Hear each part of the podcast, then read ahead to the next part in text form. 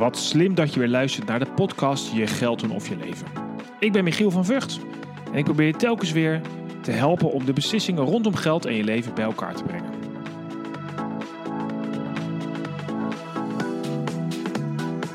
De podcast Je Geld doen of Je Leven is mede mogelijk gemaakt door NNEK Vermogensbeheer.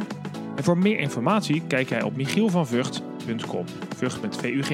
Hier vind je artikelen, boeken, filmpjes en uiteraard alle eerder gemaakte podcasts. En vandaag bij mij te gast in de aflevering uh, Thierry. Ik volg uh, Thierry al een hele tijd via LinkedIn. En uh, met name omdat hij op een hele toegankelijke manier uitlegt via zijn video's. Wat nou eigenlijk hypotheken inhouden. Welke impact dat heeft voor je als persoon. Wat voor verschillende vormen er zijn en dat soort dingen. Hij doet dat ook op een hele toegankelijke manier. En het leek me vandaag aardig om met Thierry in gesprek te gaan over wat nou eigenlijk een hypotheek is. Wat het betekent voor je als je er een gaat afsluiten of al een hebt. Dus Thierry, leuk dat je in de aflevering uh, zit, in de uitzending. Ja, goeiedag. Goeiedag. Absoluut. Uh, ja, vertel eens. Uh, ik ken je een beetje van het volgen, maar vertel eens aan de luisteraar wie ben je en wat, wat doe je? Ja. ja, mijn naam is Thierry Stocking, 35 jaar. Ik zit nu zo'n 11 jaar in het vak. En ik ben dus als jonge twintig in het vak gekomen. Ja, een, een wat saaie ehm, branche is het, zo ervaarde ik het. Uh, strak in pak, stropdas. Uh, en ik had zoiets van. Uh, ja, ik, ik, voel me daar niet helemaal uh, tussen horen. Maar toch vind ik het, ja, de materie wel interessant. Vooral ja, materie die voor heel veel mensen vrij moeilijk is om te begrijpen. Die in simpele taal uit te leggen. Dus al ja, op jonge leeftijd had ik zoiets van. Nou, ik zou graag ondernemer willen worden. En dan is mijn missie om te zorgen dat. Uh, ja, want eigenlijk is het helemaal niet zo uh, moeilijk, maar wordt het vaak moeilijk gebracht door, uh, door mensen. Op een laagdrempelige manier mijn kennis te verspreiden. En zo kwam ik dus ook op, op, het, op het idee om met video's. Ja. Um, ja. ja. op een eenvoudige manier uit te leggen van ja, hoe werkt het dan als je een eerste huis gaat kopen? Wat moet je allemaal op letten? Wat zijn de meest voorkomende fouten die er worden gemaakt? Wat als je um, naar een volgende woning gaat, maar je verwacht overwaarde. Ik heb een studieschuld. Hoe, ga je ja, hoe kijken banken daarnaar? Dus dat heb ik in video's heb ik dat, uh, opgenomen. Dat is een van de manieren waardoor ik uh, um, ja, kennis op een simpele manier kan overbrengen. Ja, als je nou luistert en je denkt, oh, dit spreekt me nu al direct aan. In de, zeg maar de, de opmerkingen onder deze aflevering vind je ook de link naar de website van Thierry en ook zijn YouTube kanaal. Um, maar ja, weet je, de, de hypotheek is natuurlijk voor de mensen de grootste aankoop, of eigenlijk de aankoop van een huis, is de grootste aankoop die ze waarschijnlijk ooit zullen doen. En dan uh, sluiten ze gelijk de grootste lening van hun leven erbij af. En uh, ja, ik ben het wel met je eens. Het is best wel complex natuurlijk. Kunnen we, laten we eens kort beginnen. Wat is eigenlijk een hypotheek en hoe werkt zoiets? Ja, de hypotheek is eigenlijk een, uh, een recht die op zo'n woning wordt geplaatst door degene die het geld uitleent. En die dan zegt van ja, als je niet meer betaalt, dan heb ik het recht om je uit de woning te trappen. Dat is eigenlijk het hypotheekrecht. Ja, en wij zien als consument uh, de hypotheek meer ja, gewoon een lening. Dat, dat, is, een, uh, dat is een hypotheek met als onderpand niet een auto, maar een woning. Precies, zak met geld om je huis te kopen. En dan ja, ondertussen krijg je dus daarmee, verstrek je wel het recht aan iemand anders. Dat moet je goed realiseren. Um, als je dan eenmaal je huis uh, gekocht hebt, hè, hoe gaat zo'n proces? Dus stel je voor, je luistert nu, je denkt, ja, ik wil toch wel een huis gaan kopen. Uh, waar moet je allemaal rekening mee gaan houden? Ja, belangrijk, want de meeste mensen beginnen met, ja, wat kan ik dan lenen? Belangrijk is om te kijken van, uh, wat heb ik nu aan lasten? Misschien woon je nog bij je ouders, um, misschien huur je nu of heb je al een woning. Te kijken van, wat heb ik nu aan lasten? Wat, wat heb ik aan ruimte nog? Om te besteden. En niet, ja, wat wil een bank mij uitlenen? Misschien is het wel uh, eh, 4 ton, maar als jouw uitgavenpatroon daar niet naar uh, is, geef je eventueel minder uit dan de gemiddelde consument. Uh, dus kijk wat je zou kunnen besteden aan maandlast. Dat je daarmee begint. Wat vind je acceptabel? En daarna pas kijken, ja, wat willen banken mij dan uitlenen? ja, ja, en daar heb je... Wat, om, eigenlijk om te voorkomen dat je bijna hebzuchtig wordt. Dat je denkt, oh, ik kan dat huis kopen, want ik kan zoveel lenen. Dat je eerst kijkt van, joh, wat heb ik nu en wat zou ik bereid zijn te betalen? Ja, want nu, we, we zitten weer in een tijd dat de huizen ja, super duur zijn. Dus je moet je realiseren, is het een handige tijd om een, een woning te gaan, gaan kopen? Want het kan zijn dat, we, dat je een luchtbel koopt en dat de waarde weer wat minder wordt van zo'n woning. Um, is het erg trouwens? Ja. Is het, ik kan me ook wel voorstellen dat, daar gaan we het vandaag niet echt over hebben, maar je kan natuurlijk heel erg investeren mhm. in vastgoed. Dan is het vooral voor de toekomst. Maar een woning, is, is dat een belegging of een investering of is dat meer voor het genot? Ja, tweeledig. Het is in eerste instantie voor het woongenot. En ja, je mag dus uh, aan die woning uh, gaan investeren, verspijkeren. Dat doe je voornamelijk voor je woongenot. Dus ja, zo zou ik er in eerste instantie uh, naar kijken. Uh, maar misschien dat je ook wat dichter bij je werk daardoor kan gaan wonen. Maar ten tweede, ja, het, het is zeker een, um, um, een investerings. ja, want, want wat als je onverhoopt uit elkaar zou gaan en je trekt het niet op jouw eigen inkomen, ja. dan loop je daar wel risico's mee. En dan kan best wel zijn dat je gedwongen op een slecht moment je woning moet uh, verkopen. Dus ook op die manier zou ik er wel uh, naar kijken. Want ja, ik hoop wel dat we met z'n allen iets hebben geleerd van de vorige crisis. En, en dat is uh, ja, dat er ook wel eens scheidingen zijn, dat je je baan op, onverwacht kan verliezen. Ja, en als je dan je woning gedwongen moet verkopen, ja, dan moet je dus realiseren dat je wel in een, uh, een best wel goede tijd uh, hebt uh, gekocht. Kan best zo zijn dat het nog vier jaar zo goed blijft. Maar ja, de, de, de alarmsignalen die hoor ik wel weer om me heen. Dat, dat we wat, wat voorzichtiger moeten zijn. Ja, en als we met z'n allen weer gaan zeggen van er komt een crisis aan. Ja, dan ga je elkaar bang maken en dan krijg je zo'n zelfvervullende, ja. Ja, zelfvervullende, ja, self-fulfilling prophecy. Ja, ja ja. Precies, dus dat, dat moeten we ook weer niet gaan doen met z'n allen. Nee, maar je, eigenlijk zeg je, joh, denk nou goed na. Het is niet alleen maar iets kopen wat heel mooi is, maar je moet ook nadenken wat is je leven nu, maar welke scenario's zijn er misschien, uh, wat kan er gebeuren in de toekomst? Dingen die je wellicht niet wil, zoals uit elkaar gaan of je baan verliezen, maar dat is wel iets belangrijks om mee rekening te houden. Kun je, ja, kun je... De rente, want de rente staat wel enorm laag op uh, dit moment. Dit, dit is gewoon uh, abnormaal wat er nu gaande is.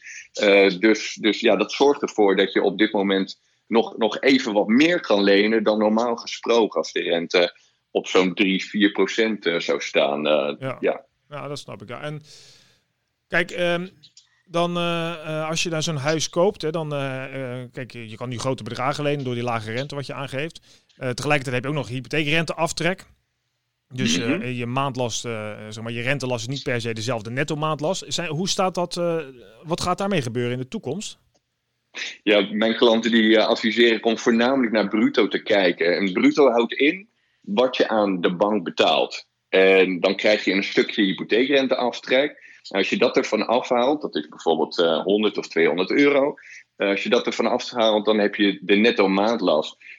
Met mijn klanten concentreer ik me vooral op de bruto maandlast. Want dan leg ik uit van, joh, als het een tussenwoning is, bijvoorbeeld geen appartement, dan heb je te maken met uh, onderhoud van de woning. Je woning moet om de zoveel jaar geschilderd worden.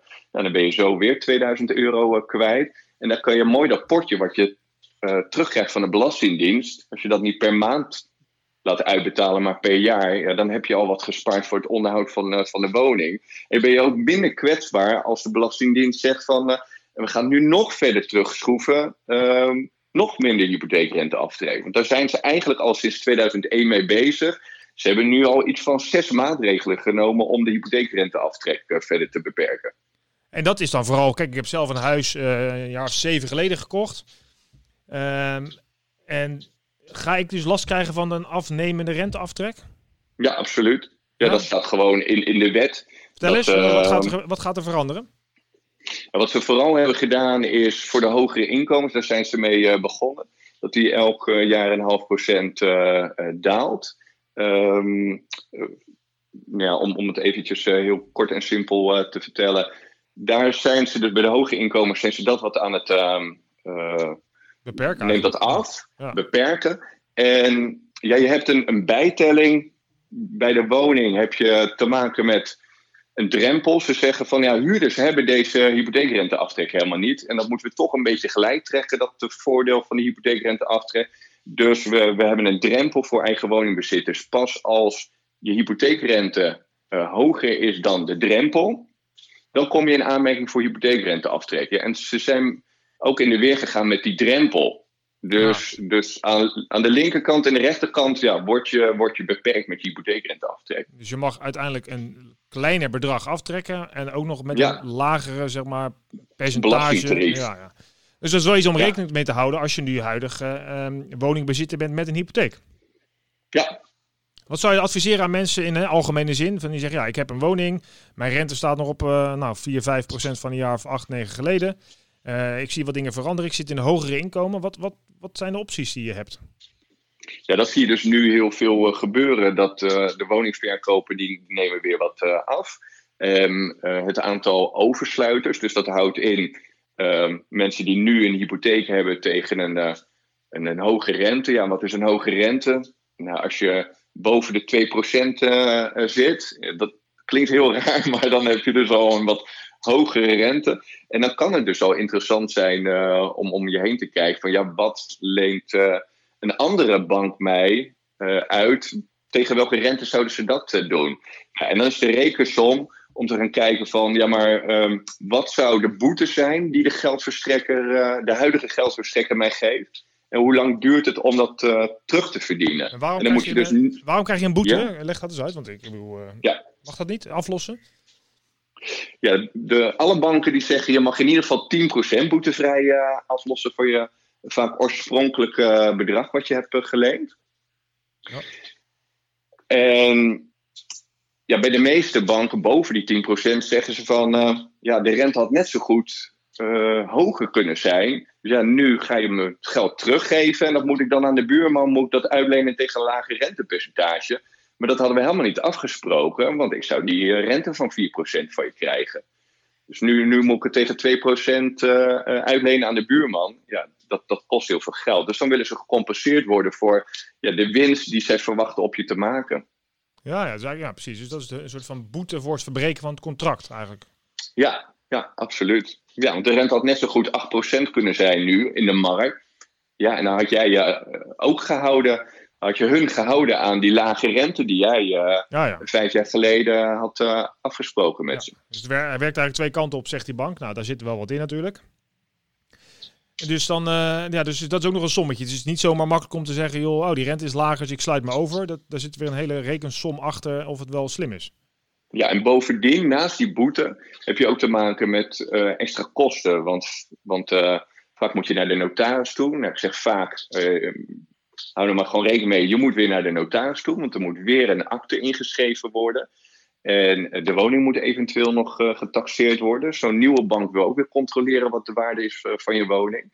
En als je ja, hulp wil bij uh, het afsluiten van die hypotheek, ja, dan heb je te maken met advies- en beminningskosten. Vroeger was het um, normaal dat de provisie over werd berekend. Dus dan zag je eigenlijk niet dat je een hypotheekadviseur betaalde voor het werk. Dan zat dat verwerkt in het product. Maar de overheid heeft daarvan gezegd van ja, die financieel adviseurs die hebben het uh, verpest. Um, Er zijn, ja, ja zo, zo is het wel. Er zijn producten verkocht die niet in belang waren van, van de consument. En er werd te veel gedacht aan de portemonnee van de financieel adviseur zelf. Um, dus er zijn uh, slechte producten verkocht. Ja, en daarvan heeft de overheid gezegd van deze markt is intransparant. heel veel consumenten weten gewoon niet eh, wat het allemaal inhoudt, kunnen het niet overzien. En hebben ook geen, ja, weinig zin om zich erin te verdiepen in de materie. Dus we moeten daarop ingrijpen. En ja, hypotheekadviseurs moeten gaan werken als een soort van accountants. Ze moeten een vertrouwenspersoon zijn. Ik betaal de hypotheekadviseur een x bedrag en hij moet mijn belangen gaan uh, behartigen en niet aan zijn portemonnee denken. Lijkt me, dus goed, lijkt me goed, toch? Lijkt me een goed idee. Ja, absoluut. Een, absoluut een hele goede uh, ontwikkeling. Nadeel is alleen, ja, sommige mensen hebben zoiets van: ja, maar ik wil het huis kopen. Um, wat zijn dan de bijkomende kosten? Ja, en dan krijg je te maken met hey, ja. ja zo'n zo'n 13.000 euro aan kosten. Hoeveel? Dan moet je dat dan op je. Zo'n 13.000 euro, daar kun je gemiddeld rekening mee houden als je een huis koopt van uh, rond de 2,5 ton. Dus dan heb je te maken met overdrachtsbelasting, notariskosten, taxatiekosten, uh, hypotheekadviseur. En nog wat optionele kosten, zoals een aankoopmakelaar of een bouwkundige die weer aanschakelen. En dan kom je zo uit op 13.000 euro. kan je dat dan, de overheid... kan je dat meenemen in je hypotheek of moet je dat uit je eigen zak betalen? Ja, de overheid heeft gezegd, we hebben geleerd van de crisis en we willen niet dat wanneer jij de sleutel krijgt, dat je op voorhand al meer leent dan de waarde van de woning. Ja. Dus dan zeggen ze, uh, we willen graag dat jij uh, een zak met geld uh, meeneemt. Um, ja, je hebt er wel wat uitzonderingen voor. Maar ja, in hoofdlijnen heb je te maken met dat je eerst moet sparen en dan een huis gaan kopen.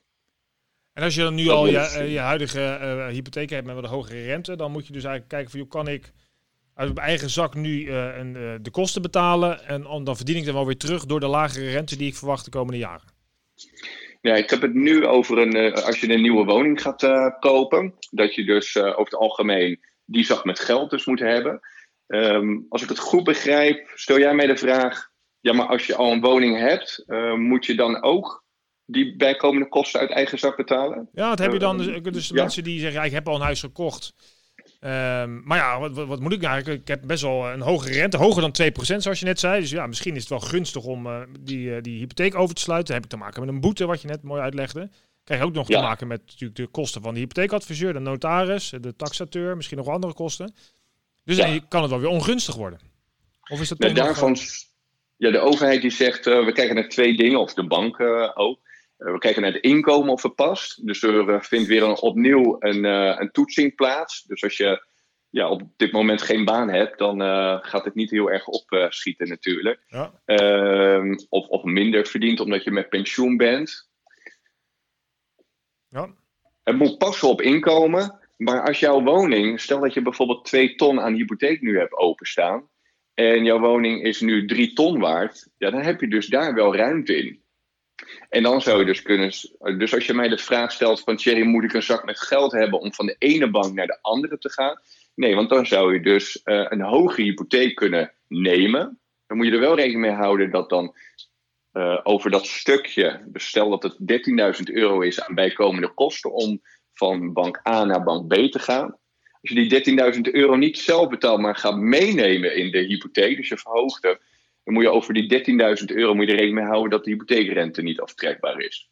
Dus dat, nou, dan ga je, ga je alweer over details praten. Dus daar stop ja, ik. Ik, ik ben er wel, ik ben er nu al achter, Thierry, dat uh, dit, dit kan je toch niet zelf? Dit, dit, is toch voor heel weinig mensen kunnen dit toch zelf op zondagmiddag even regelen? Of Um, zoveel ja, uitzonderingen, soms, zoveel regels. Ja, sommige pro ja, ik, ik merk wel dat um, je steeds meer mensen hebt die het uh, zelf proberen. Dat is met, met alles zo. En dan, dan krijg je een belletje van: uh, wil je me toch helpen? Ja, uh, het wordt complexer als je bijvoorbeeld al een woning hebt en je hebt te maken met wat, wat, wat verleden. Zoals een keer gescheiden, je bent ondernemer, um, je hebt al een, een, een, aantal jaren hypotheekrenteaftrek gehad. Je hebt een, een aflossingspolis, zoals een spaarverzekering of beleggingsverzekering. Ja, dat maakt het wat complexer, uh, inderdaad. Ja, dus, dus het is goed om in ieder geval um, ja, een persoonlijk gesprek te hebben met een hypotheekadviseur, zodat je goed kan afwegen: zou ik het zelf kunnen of niet? Ja, wat is de meerwaarde van een hypotheekadviseur? Ja, absoluut. Ja, precies. Ik snap het, ja. Oké, uh, nou ja, goed. Stel je voor, um, um, als je nu een hypotheek gaat afsluiten. Je had het net over de lasten, dus gaan of, of oversluiten. Misschien geldt hetzelfde wel ervoor. Dus je hebt nu uh, je hebt een hypotheek of je bent in overweging. Dan kijk je, wat je net aangaf in het begin, ik denk dat het heel goed is. Van wat wil je ervoor betalen en wat ben je bereid om nou ja, op, op maandbasis eigenlijk uit te geven aan je woning. Uh, hoe, in hoeverre kijk je ook de toekomst in? Kun je, je kan moeilijk voorzien wat er gaat gebeuren, maar naast zeg maar, de scenario's die echt onvoorzien zijn, weet je wel dat je misschien een keer met pensioen gaat of dat je uh, misschien een kinderwens hebt of zo. Zijn dat soort zaken die je als adviseur ook meeneemt en als klant dus ook? Ja, absoluut. Ja, vroeger werd dat uh, heel uh, weinig werd dat doorgenomen. Ja, wat, wat als er financiële tegenslagen zijn, zoals uh, arbeidsongeschiktheid of werkloosheid. Terwijl ja, volgens statistieken dan arbeidsongeschiktheid vaker voorkomt. De kans dat ik arbeidsongeschikt raak is groter dan dat komt te overlijden op mijn 35ste. Uh, werd, werd vroeger vaak het uh, stukje risico bij overlijden goed doorgenomen, maar arbeidsongeschiktheid niet. Um, ja, en, en, pensioen, ja, ben je 25 op dit moment, dan, dan is het wat minder ja, belangrijk om dat door te spreken. Maar ook dat soort onderwerpen neem ik dan wel mee. Want als je komt te overlijden, dan heb je weer te maken met nabestaande pensioen wat je nalaat aan je partner. Dus ja, ik vraag mensen wel van, joh, laat mij jouw pensioenpapieren zien, want daar haal ik dus belangrijke dingen uit.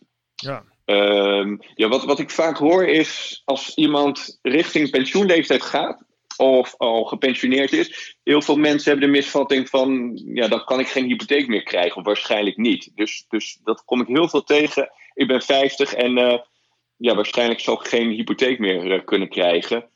Uh, nee, dat klopt niet. Je kan zelfs weer een hypotheek krijgen voor, uh, voor 30 jaar. Zo'n zo'n bank die kijkt gewoon, heb je een bestendig pensioeninkomen, ja of nee? en al, al, al ben je 90, dat maakt niet uit.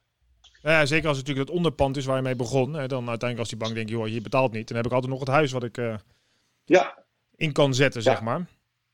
Zijn het ook... Uh, kijk, de huidige rente is zo laag dat ik me daarnaast ook nog eens kan voorstellen... Ehm, dat je zegt, ja, misschien moet ik wel iets in mijn huis aanpassen nu. Ik kan misschien wel op een hele gunstige manier... bijvoorbeeld wat meelenen voor mijn, hypotheek, voor mijn keuken... of voor een dakkapel of voor een uitbouw... Zijn dat ook zaken die je als hypotheekadviseur of als uh, bespreekt? Of dat je daar bij jou terecht voor kunt? Of, of is, raad je juist het af? Ja, hele goede vraag. De overheid heeft daarvan gezegd: uh, we willen juist stimuleren dat uh, mensen um, verbetering gaan doorvoeren aan de woning. En dan vooral isolatie, isolerende maatregelen, verduurzaamheid van de, van de woning. Um, dus ze zeggen van als je starter bent op de woningmarkt of uh, je hebt al een woning en je wil wat aan je woning gaan doen, dan mag je 9000 euro bijlenen. Dus als we even dat voorbeeld pakken van iemand die uh, een eerste woning gaat kopen en dat ik dus zei van nou hou er rekening mee dat je wel zo'n 13.000 euro aan bijkomende kosten kan hebben. En of je die even zelf wil betalen, dan zegt de overheid wel, je mag 9000 euro mag je dus klakkeloos uh, bijlenen. Uh, zonder dat we naar het inkomen gaan, gaan kijken. Omdat we juist willen stimuleren dat je die woning aanpakt qua verduurzaamheid. Oké, dus dat betekent en, uh, zonnepanelen, isolatie, um, uh, warmtepompen, dat soort dingen? Of kan je ook ja, zeggen, ik, ja, ik doe een keuken helemaal. met duurzaam hout en dan is het ook goed? Of? Nee, nee, nee, nee, nee, goed voorbeeld, maar Helaas. daar is het antwoord nee. ja, precies. Goed geprobeerd, maar nee. nee. Oké, dus daar zijn wel mogelijkheden voor. Dus uh, zeker die trend uh, die nu speelt, daar kun je, um, uh, dus ook met een oversluiting kun je door wat kan je toch wat extra kapitaal krijgen om je huis wat, wat energiebestendiger te maken. Ja, voor degenen die al een woning hebben, de banken die zie je dus dat ze geld uitlenen tegen nog lagere rentepercentages. Dat zijn dan verduurzaamheidsleningen. dus vanuit de banken zie je, zie je dat ook. Ja, je, je ziet steeds meer fondsen die um, worden opgericht om uh, mensen. Ja, we, krijgen constant maar deadlines opgelegd vanuit de overheid. Um, ja, om de woningen maar aan te pakken. Dus uh, ja, in de komende jaren verwacht ik dat er uh, steeds meer van dat soort maatregelen komen om onze woningen te, te laten ja, verbeteren qua isolatie, verduurzaamheid. ja. ja, precies. Nou, nog even een laatste vraag, want dat is ook wel iets wat ik wel merk in mijn omgeving. Um, wat moet je nou met je rentevastperiode? Je, je kunt je rente vastzetten voor heel kort tot wel 30 jaar. En dan weet je dus dat je, wat je, wat je eerder al zei, je zit je vast aan het contract voor een bepaalde periode aan de bank. Het kan gunstig zijn, um, maar die rente is nu zo laag. Uh, wat, wat zie je daar gebeuren en wat is daar een algemeen advies voor? Ja, ja er uh, zijn wat rare dingen gaande nu in, in de markt. Dat je zelfs uh, een variabele rente, dus die verandert elke, elke maand bijvoorbeeld of een éénjaarsrente, dat die rentes uh, redelijk gelijk liggen aan een vijfjaarsrente. En bij sommige aanbieders zelfs gelijk liggen aan tienjaarsrente. Uh, dat, dat is uh, um, normaal, gesproken, ja. ja. normaal gesproken is gewoon hoe meer zekerheid je krijgt van een bank, hoe hoger de rentes zijn. Um, dus ja, heel veel mensen zeggen van ja, dan slaat het nergens op om, om de wat kortere periodes te doen. Geef me dan maar wat zekerheid de uitgangspunten die je kan uh, pakken is. Uh, heb je een bepaalde periode die je minimaal wil overbruggen? Heb je bijvoorbeeld jonge kinderen van uh, drie en vijf? Um, je zou je graag die periode overbrugd willen hebben totdat de kinderen uit huis gaan. En dan kan dat een goede reden zijn om de rente wat, wat langer vast te zetten. als je wat minder kwetsbaar wil zijn in die periode.